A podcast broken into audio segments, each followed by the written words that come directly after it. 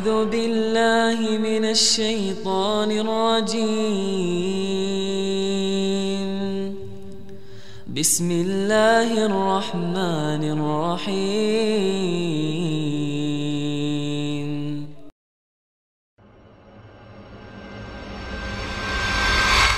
punya simpanan amal kebajikan yang tidak ada manusia yang tahu. Kau punya amal soleh, istrimu nggak tahu, bapakmu nggak tahu, ibumu nggak tahu, tetanggamu nggak tahu. Rasul Shallallahu Alaihi Wasallam bersabda, "Man istata'a minkum ayyakuna lahu khib'un min amalin salih falyaf'al." Barang siapa di antara kalian yang bisa memiliki amal perbuatan tersembunyi, hendaklah dia lakukan itu. Para ulama menjelaskan, orang yang memiliki simpanan amal soleh berarti dia itu beramal lillahi ta'ala. Kalau amal yang kelihatan orang jamaah, itu bisa jadi setan masih menggoda kita untuk riak. Kenapa sholat sunnah dianjurkan di rumah? Karena nggak ada yang lihat antum. Kalau di sini banyak yang lihat. Rasul Shallallahu Alaihi Wasallam menjelaskan salah satu orang yang akan mendapatkan naungan dari Allah pada hari kiamat. Ada tujuh tuh, tujuh orang yang akan mendapatkan naungan dari Allah di padang mahsyar nantinya. Yaumala dhilla illa dhillu. Salah satunya adalah warajulun tasaddaqa bi sadaqatin fa akhfaha. Seorang yang bersedekah kemudian dia sembunyikan. Sampai tangan kirinya tidak tahu apa yang dikeluarkan dengan tangan kanan. Perlu jemaah. Orang ini insya Allah husnul khatimah. Yang melakukan hal itu Allah akan kasih husnul khatimah. Karena dia beramal sadiqan lillah. Benar dia itu. Bukan pura-pura beramal soleh. Kalau kita melihat kisah-kisah salafus soleh. Diceritakan Ali ibn Hussein. Ibn Ali ibn Abi Talib. Ali ibn Hussein ibn Ali ibn Abi Talib yang dikenal dengan Ali Zainal Abidin. Disebutkan dalam kitab-kitab sejarah bagaimana Ali bin Hussein ini dia suka bersedekah. Ketika di malam hari dia suka manggul makanan, dia taruh di depan rumahnya orang-orang miskin. Janda-janda taruh diketuk ditinggal. Terus tidak ada yang tahu. Kapan diketahui? Ketika dia meninggal dunia. Ketika dia meninggal dunia, penduduk Madinah kehilangan sodakoh sembunyi-sembunyi. Nggak ada lagi itu datang beras, nggak ada lagi. Berarti penduduk Madinah itu nggak pernah tahu sampai Ali meninggal dunia tentang amalan dia. Allah akan kasih husnul khatimah. Dawud ibn Abi Hind. Seorang alim ulama yang terkenal. Ibn Abi Adi cerita tentang dia. Dawud ibn Abi Hind ini puasa selama 40 tahun. Keluarganya nggak ada yang tahu. Puasa sunnah selama 40 tahun. Wakana kharrazan. Dia kerjanya kharaz. Kharaz wallah apa artinya kharaz ini? Kharas kalau nggak salah sebagai pembuat uh, pembuat kerajinan lah dia ini. Kalau anda nggak salah. Dia itu ketika berangkat kerja selalu membawa makan siangnya. Di tengah jalan dia sedekahkan. Di tempat kerjanya dia nggak makan. Orang-orang berpikir mungkin dia sudah makan di jalan. Pulang malam hari dia makan malam dan itu berbukanya dia. Selama 40 tahun keluarganya nggak tahu. Subhanallah. Kita baru puasa sunnah sehari, sekampung udah tahu. Insyaallah. Eh, fadl makan. Ah, lagi puasa. Insyaallah. Baru sehari puasa sunnah. Sekampung udah tahu semuanya. Usahakan kita punya amalan-amalan. Dan wanita, ibu-ibu itu bisa punya ibadah sunnah yang suaminya nggak tahu. Suaminya keluar kota, dia puasa sunnah. Soalnya kalau dia puasa sunnah ketika ada suaminya, dia harus izin sama suaminya. Maka lakukan amalan-amalan yang tidak diketahui oleh orang. Ibnu Sirin, Seorang tabi'in dikatakan Ibnu Sirin ini kalau siang dia tertawa sama orang ya. Masya Allah. Hidupnya senang sama orang. Fa'idha jannal lail faka'annahu qatala ahla qaryah. Tapi kalau sudah malam tiba, dia itu menangis seakan-akan telah membunuh orang satu kampung. Memohon ampunan kepada Allah subhanahu wa ta'ala. Di antara tujuh orang yang akan mendapatkan naungan di sisi Allah Salah satunya wa rajulun dzakarallaha khalian fafadat Orang yang mengingat Allah sendirian, bukan di depan orang. Nangis di depan orang gampang. Kadangkala orang Masya Allah sholat di Masjid Nabawi pada nangis.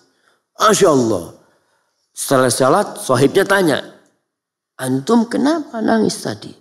Ya imamnya nangis, karena nggak enak gak nangis kan. Jadi Kadang-kala terharu. Kan antum kadang-kala ada orang nangis, antum ikut nangis. Padahal nangisnya antum hanya terharu. Yang di hadis ini disebutkan menangisnya itu karena takut kepada Allah. Bukan karena terharu. Orang cerita tentang orang tua. Pidato tentang orang tua. Kemudian menangis. Menangisnya itu karena apa? Haru. Karena dia ya Allah ya. Kalau takut sama Allah, wallahu a'lam bisawab. Tapi yang jelas Antum harus punya amalan yang tidak ada orang yang tahu. Imran bin Khalid bercerita bahwasanya Muhammad bin Wasi salah seorang alim ulama subhanallah yang dikatakan Muhammad bin Wasi ini kalau dia berdoa tentara itu aman sudah. Muhammad bin Wasi kalau dalam peperangan pernah dalam satu peperangan ada salah seorang Panglimanya tanya, mana Muhammad bin Wasi? Carikan dia. Cari Muhammad bin Wasi sedang berkomat kamit dengan tombak dia pegang. Dan dia menunjuk ke langit. Apa kata panglimanya? Jarinya. Ibn Wasi ini lebih aku cintai daripada seribu tentara. Apa yang dia lakukan? Allah kabulkan doa dia. Imran bin Khalid cerita, sesungguhnya ada orang, katanya Muhammad bin Wasi, ada orang yang menangis selama 20 tahun, istrinya nggak tahu. Dia nangis satu kasur jamaah, istrinya nggak tahu. Kadang-kala kita kalau nangis, Masya Allah. Kapan menangisnya? Menangisnya mesti kalau kena musibah. Ditinggal mati anak menangis. Bangkrut nangis sakit nangis. Gak pernah kita nangis karena Allah subhanahu wa ta'ala. Maka perlu kita berpikir selama hidup kita berapa kali nih kita nangis karena Allah. Hitungan tuh. Ada orang-orang yang selama hidupnya gak pernah nangis karena Allah.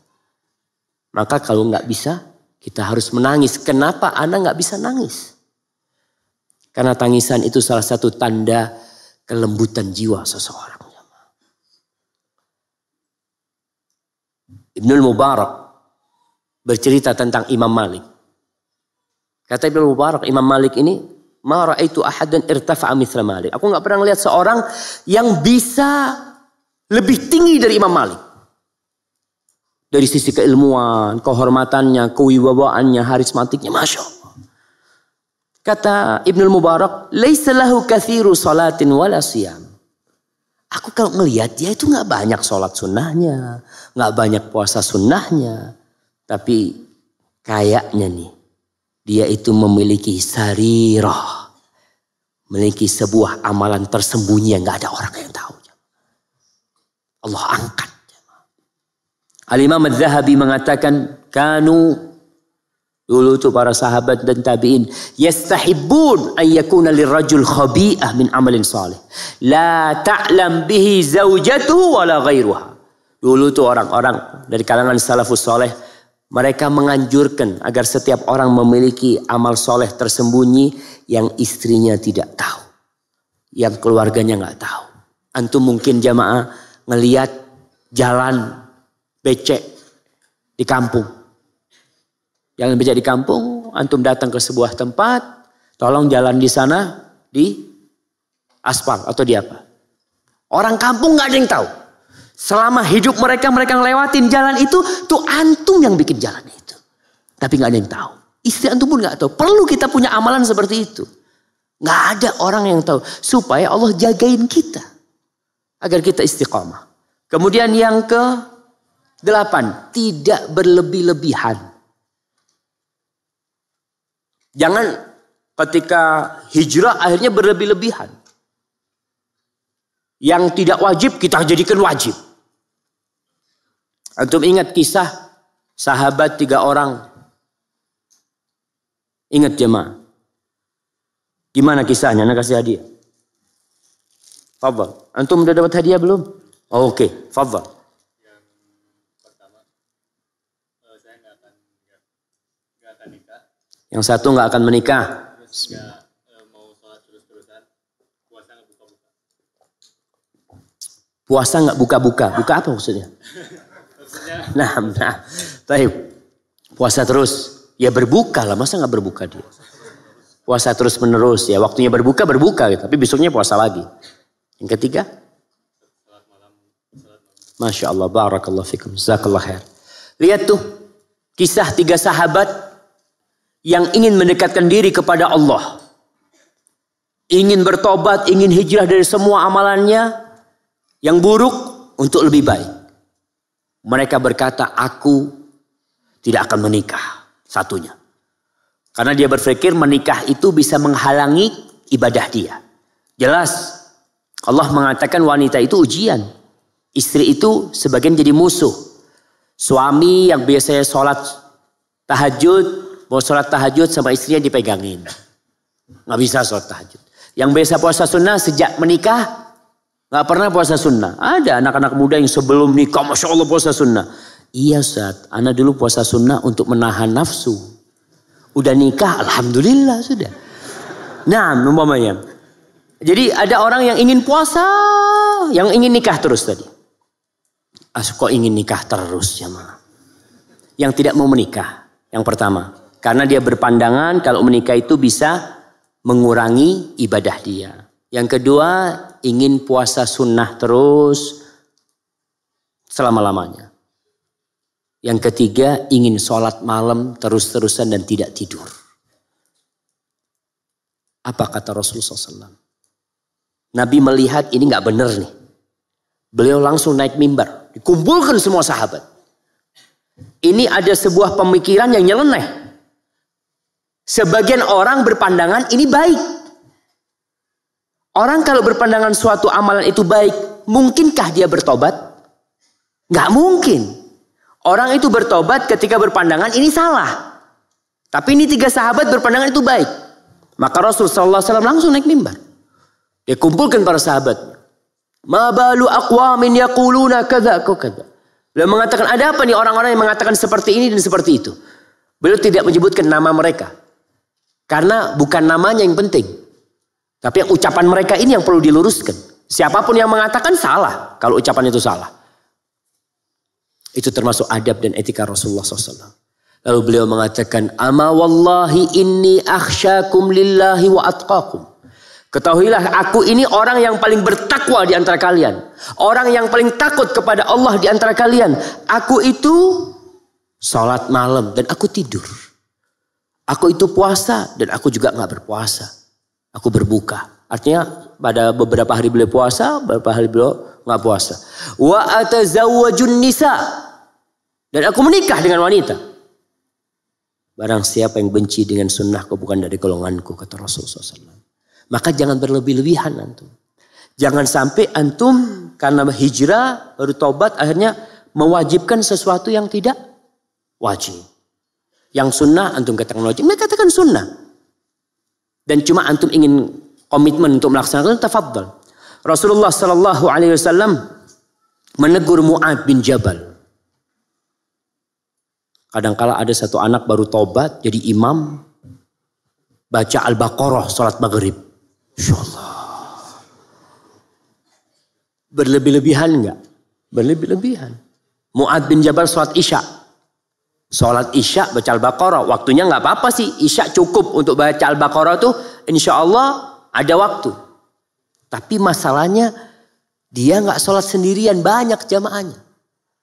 Ada salah satu orang yang sholat bersama Mu'ad, dilihat kelamaan sholatnya Mu'ad, aduh panjang banget ini. Dia langsung sholat sendiri. Antum lihat Mu'ad bersama orang ini. Mu'ad berpandangan kalau tuh orang yang meninggalkan sholat, itu yang salah. Itu pandangan Mu'ad. Bahkan disebut munafik atau apa. Orang seperti itu. Maka sampailah berita itu kepada Rasul Sallallahu Alaihi Wasallam. Yang ditegur siapa? Mu'ad. Bukan tuh orang. Rasul sallallahu alaihi wasallam mengatakan afattanun ya Mu'ad. Apa apa engkau akan menjadi orang yang menghidupkan fitnah?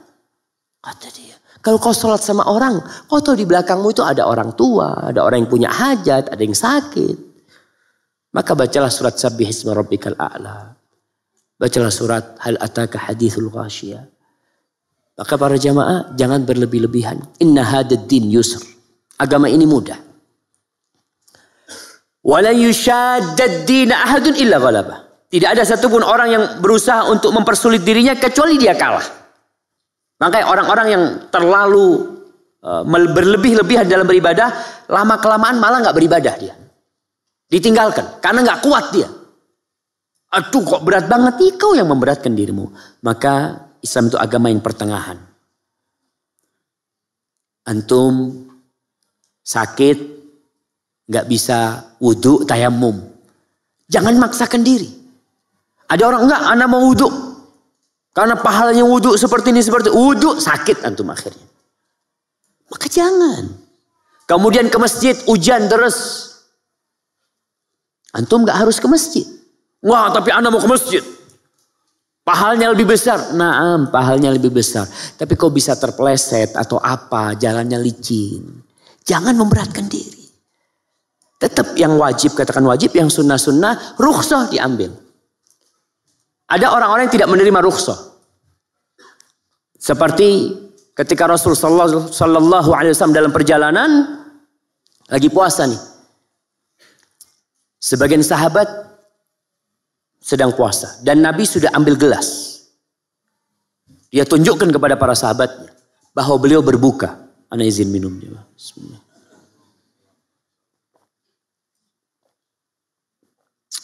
Beliau tunjukkan beliau minum. Sebagian sahabat tetap tidak mau berbuka. Marah Rasulullah SAW. Itu rukhsah. Dan ini kondisi mau perang. Kita butuh kekuatan. Disuruh berbuka mereka sama Rasul SAW. Orang sakit nggak kuat puasa jangan puasa. Musafir antum dalam perjalanan ada jemaah umroh biasanya. Jemaah umroh itu berangkat umroh pas Ramadan. Anda pernah ikut. Pas berangkat kita berangkat jam 2. Maghrib jam berapa? Jam 6. Naik pesawat nggak maghrib-maghrib jemaah. Karena pesawatnya menuju ke arah barat. Jadi mataharinya nggak tenggelam-tenggelam. Itu baru azan ketika sampai di Riyadh. Sampai di Riyadh itu kita kira-kira ya jam 6 waktu Saudi, jam 10 waktu Indonesia.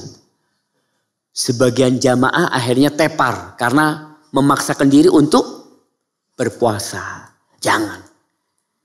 Kalau ingin istiqomah, berusahalah. Khairul amali adwamuhu wa in. Sebaik-baiknya amalan itu yang berkesinambungan walaupun sedikit ya. Antum sholat malam kuatnya tiga rakaat, tiga rakaat lebih baik daripada antum sholat sebelas rakaat cuma tujuh hari. Setelah itu antum nggak anu lagi. Ada orang puasa Daud, anda mau puasa Daud, Bismillah. Puasa Daud sebulan, Alhamdulillah. Habis gitu nggak pernah puasa lagi. Lebih baik mana dengan yang puasa Senin Kemis? Tapi terus dia puasa Kamis. Jangan memberatkan diri. أعوذ بالله من الشيطان الرجيم بسم الله الرحمن الرحيم